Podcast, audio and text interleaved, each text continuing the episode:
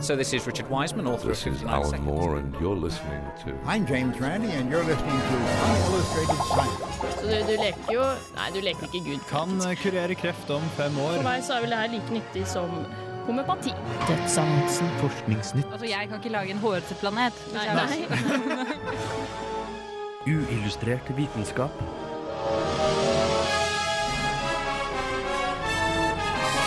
Science, works. I denne utgaven av Uillustrert vitenskap får du nyttige tips for en tynn studentlommebok, samt en stygg hypotese om vår kjære intelligens. I tillegg tar vi et dypdykk i navlen, og forteller hva som kan skjule seg der.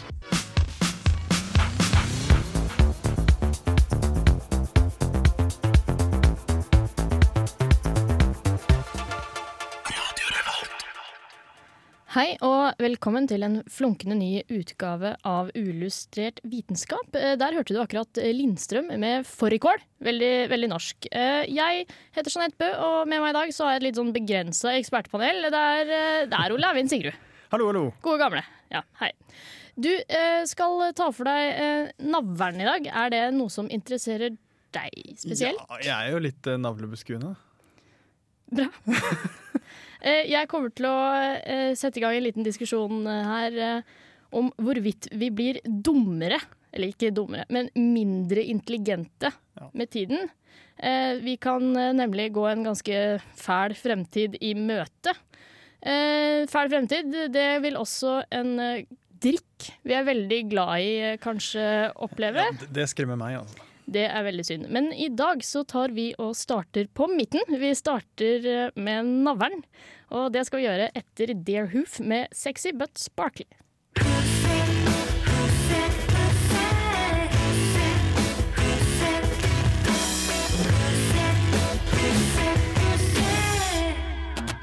Navlen er som en regnskog, sier biologen Robert Dunn ved North Carolina State University.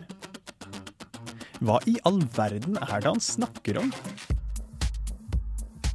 Navlen er et av habitatene som ligger oss alle nærmest.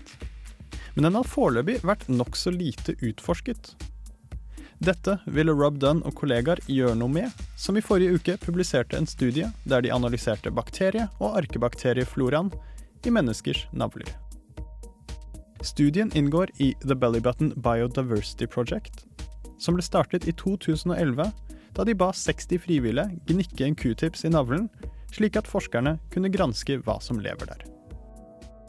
Resultatene er nå klare, og fra disse 60 navlene fant forskerne 2368 forskjellige bakteriearter, hvorav hele 1458 kan være arter vi tidligere ikke har kjent til. Gjennomsnittsnavlen var hjem til 67 forskjellige arter, og antallet varierte fra 29 til 107. 92% av bakteriene dukket opp hos færre enn 10% av forsøkspersonene. De fleste dukket kun opp hos én av dem. Eksempel fant de i navlen til en forskningsjournalist en bakterie som kun har blitt observert i jord i Japan, selv om journalisten aldri hadde vært der selv. Til tross for denne spredningen dukket opp tydelige mønstre. Ingen arter ble funnet i alle navlene, men åtte arter fantes i over 70% av tilfellene. Og da disse artene ble funnet, ble de funnet i store mengder. Det er dette som ifølge Dunn gjør navler til regnskogslignende habitater. Variasjonen i plantelivet i regnskogen kan variere kraftig. Men man finner gjerne noen bestemte, få dominerende tretyper. Ja, navlen er en eh, regnskog. Det var, det var spennende. Men hvorfor, hvorfor har de hatt lyst til å undersøke navlen? Hvorfor akkurat navlen? Nei, Det begynte jo faktisk eh, med en student, eh, selvfølgelig, som tok navleprøver av kollegaene sine på North Carolina State University for å lage julekort. Alle Nei. ting. Det er noe bare biologer kan finne på å gjøre. Eh, antagelig for å vokse bakteriekulturen og så gi individuelle julekort. Eh, de spesifiserte ikke helt hvordan jeg kunne bli julekort. Men eh, dette synes da North Carolina State University var en sånn fryktelig god idé. Slo godt an eh, på instituttet. eh, så bestemte de seg for å gjøre et, eh, Ja, større forsøk, da. Men eh, jeg, måtte, jeg, jeg stoppa litt å høre da, jeg, da du kom til den her journalisten som, som hadde japanske jordbakterier i, i navlen. Hvordan fikk han til det? Hva har han gjort? Nei, eh, hvem vet? Fordi han hadde jo aldri vært i Japan, eh, så, så det var litt rart. Eh, antagelig da, så er jo dette en bakterie som kanskje finnes andre steder også, bare at hittil så har den kun blitt observert i Japan. Men enda rarere eh, var det en person Jeg vet ikke hvordan de fant denne personen her, men han sa selv at han verken hadde dusjet eller badet på flere år. Nei. Jo. Det, det står faktisk i artikkelen. Og i navlen hans så fant de da to typer eh, arkebakterier, såkalt urbakterier, som det er ekstromofile. Vanligvis Sånn som bor i vulkaner og sånn. Vanligvis så finnes de sånn eh, på Sørpolen og nede i havet ved sånne eh, thermal vents, men uh, også i navlen til en en litt sånn stinky kar. Bra. Men, men uh, nå, nå har vi funnet ut alt det her om, om navlen. Har det noe nytte? Hva er den undersøkelsen her godt for? Nei, En ting som var litt uh, kult, da, med, som gjorde navlen litt ekstra spennende, er jo at det er en av kroppens minst vaskede områder. Uh, så det er det nærmeste man finner et uh, urørt mikrobialt landskap på menneskekroppen. Så det er jo interessant for de som liker slikt. Men hva det er godt for? Ja, de fant jo da 1400 arter som antagelig ikke er beskrevet før. Det er Yes. ganske mye. Eh, og så er det jo ganske interessant. Alle har jo navl, og dermed så er det litt interessant å finne ut hva, hva er det som lever i navlen min. Ja. Eh, og så fant de jo da litt ut av eh, hva som lever der, og eh, så kunne de også forutsi eh, litt hva, hvilke bakterier de kommer til å finne, i og med at de fant visse mønstre. Men hvorfor de lever der, de hadde ikke så veldig godt eh, svar på. Så eh, mer forskning trengs, og de er i gang med en ny undersøkelse. Nå skal de undersøke 600 navler til. Eh, og da skal de også kartlegge hvor folk bor, og ja, hva som bygger opp immunsystemet deres, og om det finnes noen koblinger der. Er det her noe vi kan bli med på? Eller ikke jeg, for det hender jeg går løs på navlen min med, med antibac. men men er, er det, kan hvem som helst være, være frivillig? Eh, ja, dette eh, de på North Carolina State University er veldig glad i sånn såkalt citizen science-prosjekter, der de får befolkningen til å delta i eh, forskning. Eh, tenk, Det var jo også noe med tanken med navlestudiet, var at eh, de fikk aldri noen med på armhulestudier. Eh, så navler var kanskje rart nok, men eh, ikke så fullt så ekkelt at eh, dette kunne interessere folk. Um, men det er jo egentlig ganske kule prosjekter med å prøve å få, få inn eh, befolkningen ved å delta i, eh, i forskning og vitenskap, så kanskje de blir litt mer interessert og får litt mer forståelsen på hvordan det hele fungerer. Er det alltid bra med hvem som helst med i forskningen din? Nei, altså man må jo vurdere om det kanskje innen visse typer forskning da, så vil du ikke få et tilfeldig utvalg, da, i og med at du bare vil få de som er litt sånn nerdete og forskningsinteresserte. Men uh, det er absolutt bra tiltak for å få folk interessert, uh, vil jeg tro. Uh, så hvis du er interessert i å være med på neste navleundersøkelse, så kan det jo godt hende at det er sånn du kan maile inn. Så har de også nå startet et nytt prosjekt som heter Armpit Palooza. fordi nå etter de fikk så mange til å delta i navleundersøkelsen, igjen. så kan de endelig kanskje få med noen som har lyst til å undersøke armhulen. Ja, så meld dere på armhuleundersøkelsen. Eh, Jeg skal ikke, men eh, dere kan eh, melde dere på armhuleundersøkelsen. Kanskje dere finner noen ekstremofile? Ja. Eh, Vi skal over på Forskningsnytt, som vi har hver uke. Og det skal vi få høre etter Action Bronson med The Symbol. Yeah.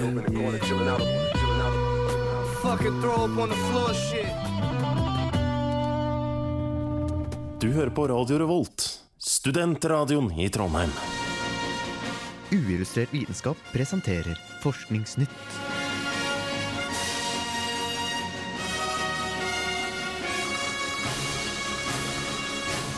Forskningsnytt. Vi har sett flere forsøk på å lage en usynlighetskappe, men til nå har alle forsøkene fått noe refleksjon av det innkommende lyset. Nå har forskere for første gang klart å gjøre et objekt helt usynlig. Dessverre ikke for synlige lysbølger, men for mikrobølger. Professor David Smith og hans kollega Nathan Landy har nå vist at trikset er å lage en diamantforma kappe som klarer å nøyaktig guide bølger rundt objektet, som denne gangen var en centimeterhøy sylinder med diameter på 7,5 cm. Det er selvfølgelig ulemper ved dette forsøket også, siden det ikke gjelder optiske bølgelengder, og at usynligheten kun gjelder fra én side. Men mikrobølger er viktige på mange bruksområder, så denne gangen tror forskerne at resultatene faktisk kan være nyttige.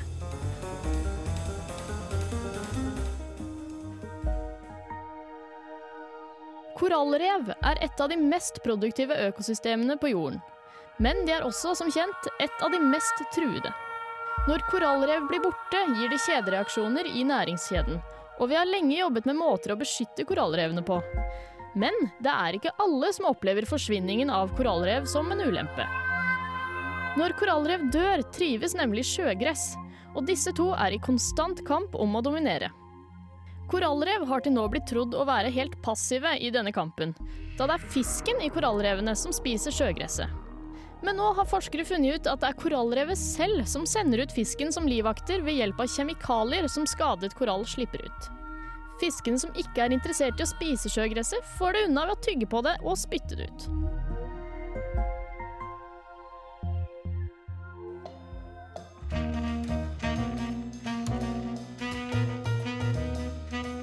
Menneskelig intelligens og oppførsel krever at et stort antall gener fungerer optimalt, noe som krever et enormt evolusjonært press å opprettholde.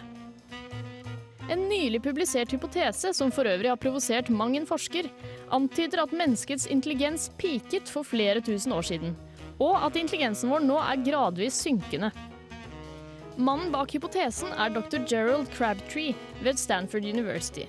Og han begrunner den bl.a. ved at det intrikate nettet av gener som gir oss vår hjernekraft, er mottagelig for mutasjoner, og at disse mutasjonene ikke blir valgt bort i vårt moderne samfunn.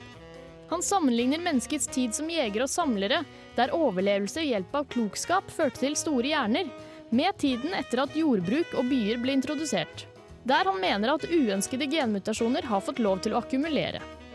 Crabtree anslår at innen 3000 år, altså ca. 120 generasjoner, vil alle ha fått to eller flere mutasjoner som er skadelige for vår intellektuelle eller følelsesmessige stabilitet. Ja, eh, det var Forskningsnytt eh, presentert av meg. Eh, og første nyhet, det er usynlighetskappe, eller altså cloaking, som vi kaller det på, på engelsk. Og da har de altså klart å få en liten sylinder usynlig for mikrobølgesensorer. Hurra. Det er jo veldig veldig kult. Men hvordan fungerer den usynlighetskappen? Ja, Konseptet er altså for alle, alle slags usynlighetskapper er at du skal fange lyset fra et objekt, og så må du guide det lyset rundt den tingen du skal gjemme. Tingen eller personen eller hva det skal være. Og så skal du føre lyset eller bølgen tilbake i den samme banen som den starta.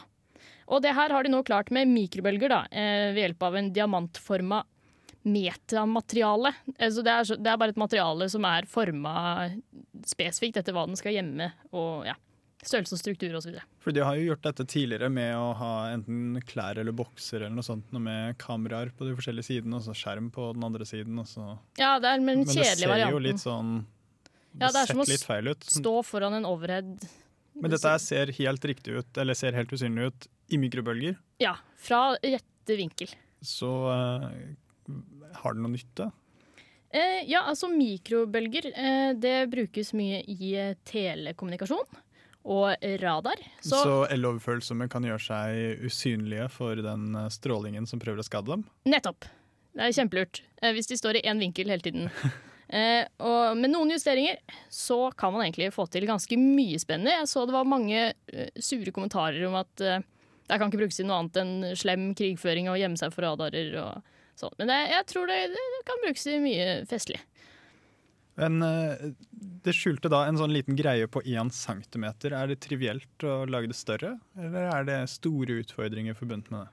Eh, jeg vet ikke om det skal være så store utfordringer, men nå, nå var det jo det her første demonstrasjonen, så de starta vel i det små. Eh, men eh, problemet med å gjemme f.eks. Eh, meg og deg eh, fra eh, å bli sett, altså synlig lys, det er eh, langt unna den teknologien som man ser i Harry Potter. Fordi eh, synlig lys har veldig små bølgelengder. Og den strukturen som skal da guide vekk de eh, bølgene, den kan ikke være så mye større enn eh, bølgelengden. Så det blir veldig, veldig smått. Så det har de ikke helt fått til. Så jeg kan ikke kjøpe meg en usynlighetskappe neste jul. Nei, sorry. Men jeg tror kanskje at man kan få til å Hvis man vil gjøre sånn 1. april-snarr på mikrobølgeovnen sin, så kan man kanskje gjemme maten. Du putter mat inni der, setter på, men, men den finner ikke maten. Veldig, veldig morsomt. Ja, det er litt gøy. Nyttig. Uh, ja. Og så var det um, korallrev. Uh, fordi det viser seg at korallen sender ut et sånn kjemisk signal til fisk. Altså det er den selv som beordrer fisk til å dra og drepe sjøgress som prøver å ødelegge korallrevet. Det er veldig flott. Så fisken blir rett og slett lurt? Eh, Altså, tjener ikke de noe på å beskytte korallene? Eh, jo, eh, den, eh, den, de lever jo i en slags symbiose, så begge to må jo tjene på det her. Så den, korallen betaler en slags skatt for å få ha sånne bodyguards ved at Fordi fisken, eller en så, såkalt kutling på norsk Jeg vet ikke helt, Det er ikke så veldig mange av de i Norge, men det er en del i mer tropiske klimaer. S- Søt liten fisk. De spiser sånn slim. Jeg vet ikke hva slags slim, men det står bare slim på korallrevet. Det spiser de, så det vil de ha. Så du vil jo ikke at korallrevet skal bli borte, og der er også slimet borte. Og så er det noen eh, sånne kutlinger som blir mer giftig av å spise sjøgresset. Så de vil spise oh. sjøgresset fordi de vil være mer giftig. Det er smart. Ja. Så det, det, det, det, det er gunstig. Men eh, den viktigste nyheten syns jeg er jo den herre Blir vi dummere med tiden? Eh, den, den diskusjonen tar vi etter Jack White med I'm Shaken.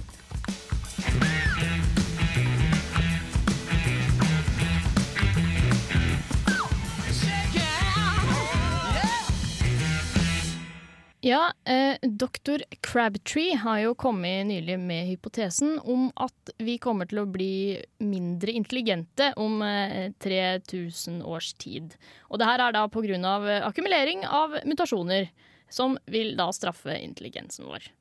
Eh, og han har gått ut ifra sammenligninger mellom foreldre og barn, eh, og da på en generasjon så skjer det 25 til 65 nye mutasjoner. For hver generasjon, altså. Og så, blir man da regna fram til at det er 5000 nye mutasjoner etter 120 generasjoner. Ganske ja. Eh, og, men han får jo mye kritikk, selv om matten hans kanskje stemmer. Ja, fordi kjøper vi disse argumentene helt? Nei. Eh, vi har blant annet eh, Steve Jones ved University College i London, eh, som sier at man nå kan like så godt si at mutasjoner har redusert aggresjon, depresjon og penislengde. Eh, men, men dette blir ikke publisert, så han lurer veldig på hvorfor akkurat intelligensdelen blir publisert. Og han irriterer seg også over at det er veldig vanskelig å teste den hypotesen her. Ja. Eh, en annen ting er jo at han, han har jo ikke vist at eh, vi har blitt mindre, mindre intelligente. Eller at vi blir mindre intelligente. Og det, det burde man jo kanskje gjøre da, før man kommer med forklaringer på at vi blir mindre intelligente. Ja.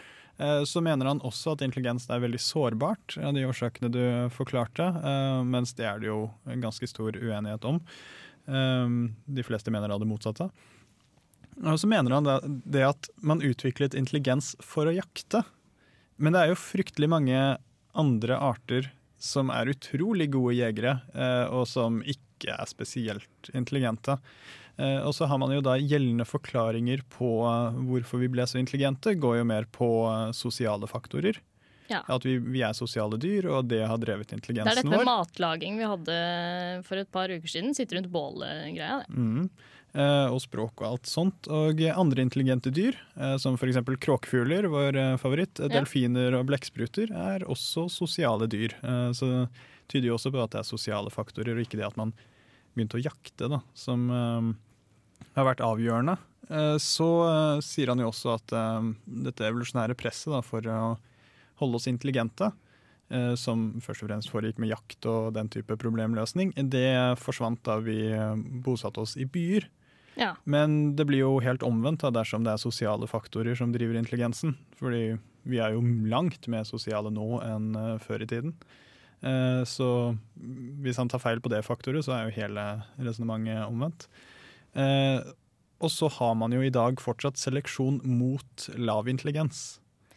Ja. Eh, Har du um, en eh, av de tilstandene som gjør at du har en IQ under 70, så eh, får du ikke spredt de genene like lett som eh, Under 70, hvor, hvor, eh, hvor dum er man da? Nei, unnskyld, men altså hvor Hva får man til da? Jeg har hørt at man må ha 35 for å åpne en dør. Ja, jeg har ikke helt tall på dette, men uh, det går ganske hardt utover uh, funksjonsevne, da. Ja. Og uh, generelt så Personer som er fryktelig dumme, men som ikke har noe sånn skade, men de, jeg tror nok det blir litt vanskeligere for dem å formere seg enn litt mer oppegående folk. Ja. Det, det, det kan jeg være enig i litt, men jeg vil komme med en liten støtte. Altså det er ikke en offisiell støtte fra Jeanette, men det er Jeg har lagt merke til at blant de jeg kjente på barneskolen og litt sånn, så er det ikke de jeg kanskje nå putter i båsen som mest intelligente, som nå sitter med tre barn hver.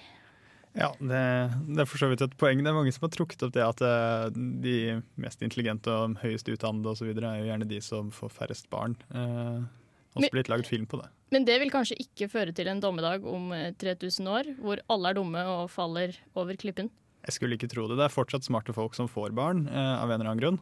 Og så eh, er jo ikke intelligens kun arvelig. Eh, men til slutt så vil jeg jo trekke inn denne kjente Flynn-effekten, eh, som viser at Er den kjent? Ja, eh, kanskje ikke navnet, men effekten om at IQ-en støtt og stadig har steget siden 1930-tallet. Ja. Det er et velkjent fenomen. Nå sier han Crabtree selv at mm, og det er jo helt riktig, at det er først og fremst pga. miljøforandringer, bedre oppvekst, mindre forurensning og bedre utdannelse. Eh, Det stemmer jo antagelig. Det er nok ikke det at vi har utviklet oss sånn fryktelig mye på gennivå som har gjort at det ikke har steget såpass mye. Men eh, det går fortsatt litt imot det han sier om at vi blir mindre intelligente. Og eh, hvis eh, vi skulle vært enda mer intelligente før i tiden, Ja. for eh, en million år siden, så eh, må jo dette motvirke det press, eller den uh, Flynn-effekten. da. Eh, som, fordi de hadde jo ikke spesielt gode kår og mye renslighet og god utdannelse før i tiden. Nei, i hvert fall ikke for en million år siden. Da var vi noe helt annet. Ikke sant? Ja.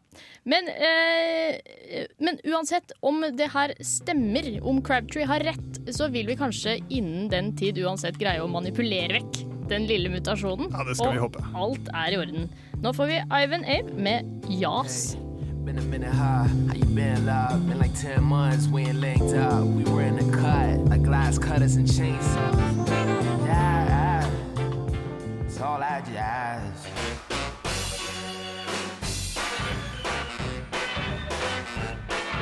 Hei, eh, jeg heter Petter Skjerven, og jeg lytter til Illustrert vitenskap på Radio Revolt så ofte jeg bare kan. Uillustrert, ja. Veldig bra. Hei, jeg heter Petter Skjerven, og jeg lytter til Uillustrert vitenskap på Radio Revolt så ofte jeg bare kan.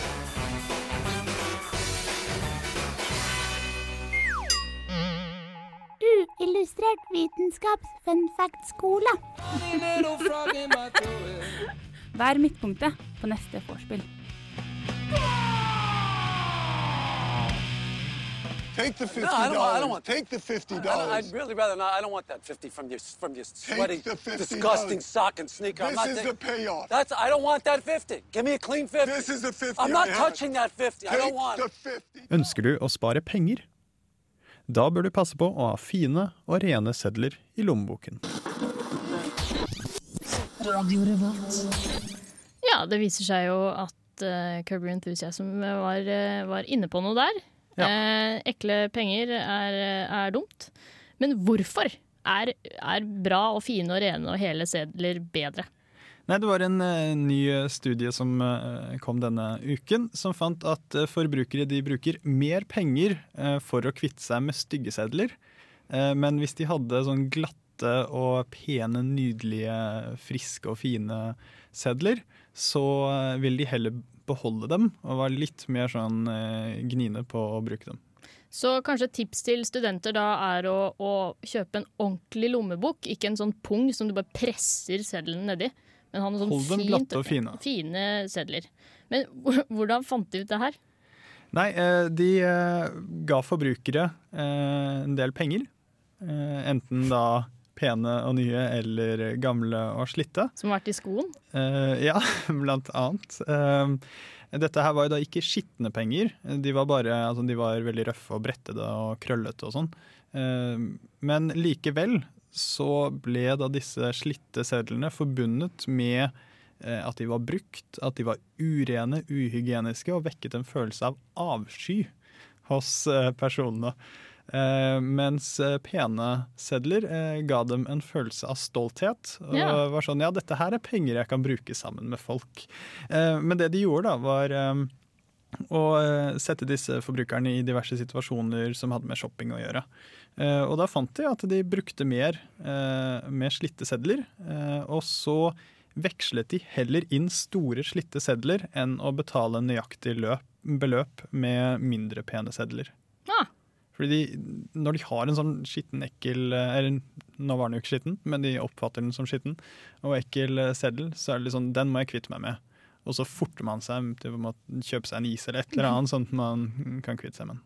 Men, men du sier at uh, store og fine og hele sedler kan man bruke blant folk. Uh, har, har det noen sosiale effekter det her? Blir du sett ned på hvis du har en krøllete femtelapp? Ja, eh, om, De undersøkte jo ikke om du faktisk ble ned, eh, sett ned på, og det tviler jeg nesten på, fordi vi alle har jo opplevd å få noen sånne kjipe sedler. Eh, men eh, de undersøkte jo hvordan folk oppførte seg, da. Og da disse forbrukerne trodde de ble observert av andre, så brukte de heller de pene sedlene. Ah. Eh, og da ville de eh, heller også eh, veksle en stor pen seddel enn å betale et mer nøyaktig beløp i stygge småsedler. Og det er nok fordi de følte at den der skitne seddelen den kanskje avspeiler dem. At ja, de har sånne rotete, små, stygge ting. Selv om han fikk jo de pengene som alle andre. Men veit du om det her gjelder alle? Jeg vet ikke om det sto i artikkelen, men altså, det er jo ganske irrasjonell oppførsel. Vil jeg også oppføre meg sånn? Jeg regner med det. Altså, det er veldig typisk da, for mennesker at uh, vi, vi trekker inn sånne eh, betydninger eh, fra helt, sånn, helt irrasjonelle hold. Uh, så dette her føyer seg bare i en lang rekke med, med tidligere psykologisk forskning som viser at vi er fryktelig irrasjonelle. Blant annet så før så har det jo blitt dokumentert ganske godt at folk bruker mer om de har samme beløp i flere sedler. Så eksempel, de bruker mer penger hvis de har fire 50-lapper enn hvis de har en 200-lapp. Eh, og det er jo fullstendig irrasjonelt. Men det er fordi det, det er mindre, så bare sånn, «Ah, ja, men det er mindre penger. Fordi man føler at det er et mindre beløp, og man dermed bruker mindre. Så bruker man egentlig mer. Eh, dette eh, hadde jo også forskerne tatt opp i dette studiet. Og de fant at utseendet på pengene kan forsterke eller reversere denne effekten. Eh, Så hvis de da hadde fire små eh, stygge lapper, så Nei, en stor stygg lapp, så brukte de mer enn hvis de hadde fire små pene lapper, f.eks. Som går mot den tidligere forskningen. Så utseendet har noe å si. Og det er jo litt interessant, fordi penger det er jo i motsetning til alt annet, som f.eks. kunst og klær og sånne ting, så er jo det en ting som skal ha samme verdi uansett, så lenge den fortsatt er intakt. Men det har de ikke. Så de har hatt to, to, forsk eh, to forskningsprosjekter på, på samme tema, utseende på, på sedler. Jeg syns det er spennende hva de, hva de kommer på å forske på. Har det vært noe mer av noe sånt tidligere? Nei, det var jo blant annet den at folk brukte mer i, eh, i eh, samme beløp, da. Hvis det var flere små. Eh, Det er den eneste sånn pengerelaterte jeg har lest om, men eh, det er garantert mye mer der ute. Jeg syns det her var morsomt. Jeg ønsker meg mer sånn forskning. Vi skal få høre nå straks noe helt forferdelig angående en drikk vi er veldig glad i. Og det tar vi og hører på etter Supermanna med 'Fred og frihet'.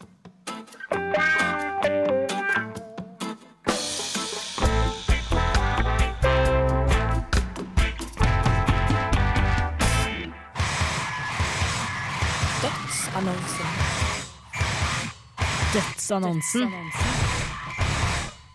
Dødsannonsen. Dødsannonsen. Stigende havnivå og fæle stormer er det vi først og fremst forbinder med global oppvarming. Men nå har man oppdaget en ny og grusom konsekvens.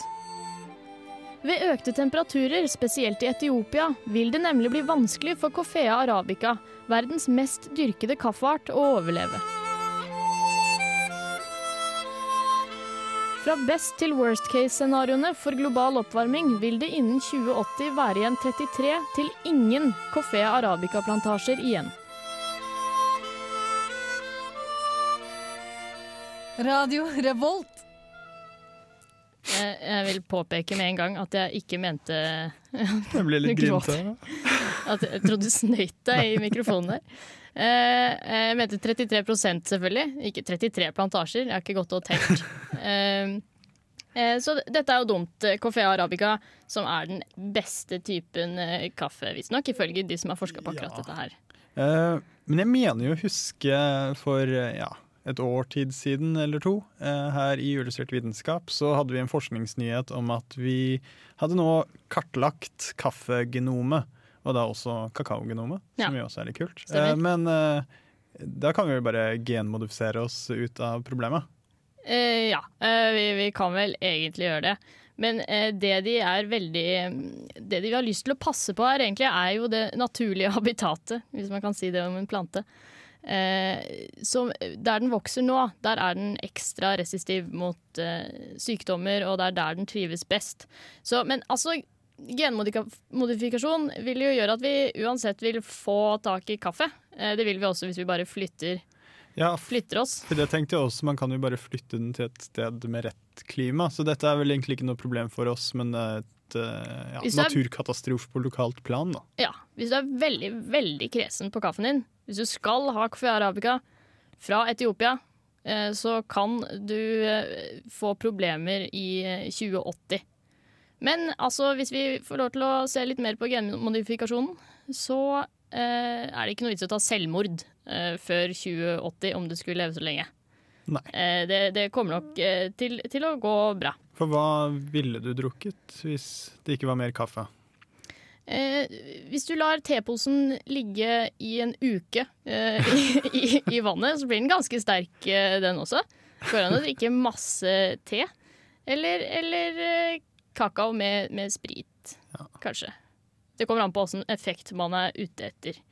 Eh, vi begynner å gå litt eh, tom for tid, så vi skal høre på eh, et band som heter The Internet. Og vi skal give it time.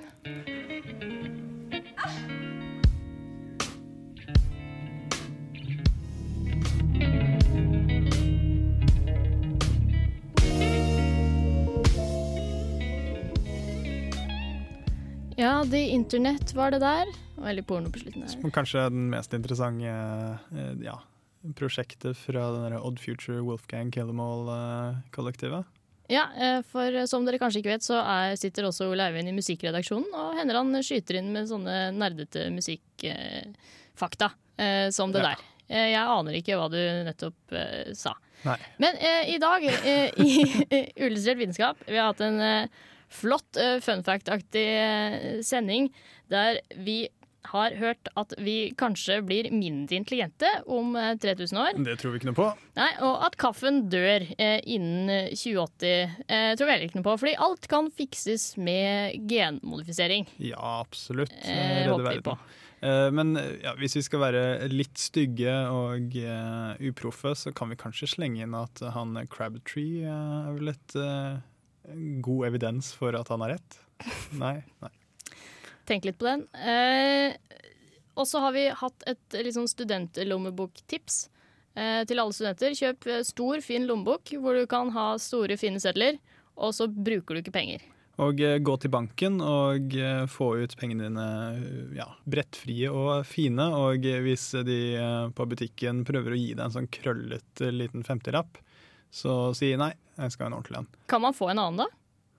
Jeg har Du kan aldri- spørre. Ja. Ja, altså jeg har opplevd eh, når jeg har stått og solgt ting eh, rundt omkring, at eh, spesielt av gamle damer har ikke villet tatt imot mynter eller sedler som ser stygge ut. Hva er det du står og selger rundt omkring? Det er blant annet røkelaks da, oh, ja, på ja. Bondens marked. Bra.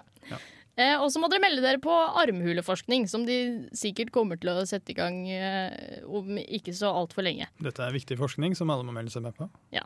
Eh, etter oss i dag så kommer Kontroll alt elite, eh, det flotte spillprogrammet. Ja, De skal snakke om eh, historiefortelling i eh, dataspill, og fremmer den påstanden om at kanskje cutscenen er på tide at den skal dø.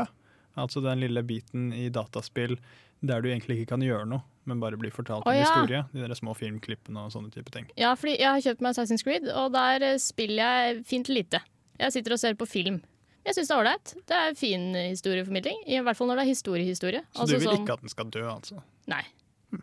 Bare bli litt, litt kortere. Det, det håper jeg også Kontroll Alltid Elite eh, kommer fram til. Så har de også anmeldt eh, spill da, som vanlig, blant annet et sånt brutalt spill eh, satt i Miami, som jeg nå plutselig glemte hva het. Det het et eller annet med Miami. Ja. 'Killing in Miami'. Eh, Det gjorde den nok ikke. Eh, Men selv om vi nærmer oss eh, jul, så er ikke det et hinder for at dere lyttere kan sende inn flotte spørsmål eller temaer Nei, vi har vel et par sendinger til før vi tar en pause. Og Da er det bare å sende inn en mail til uv.radiorevolt.no, eller kontakte oss på Facebook og Twitter. Ja. Eh, og eh, ja, der eh, må vi nesten takke for oss den, den uka her. Tekniker i dag har vært Rune Stana. Jeg heter Jeanette Bø, og med meg i studio har jeg hatt Ole Eivind Sigrud. Så vi snakkes neste uke.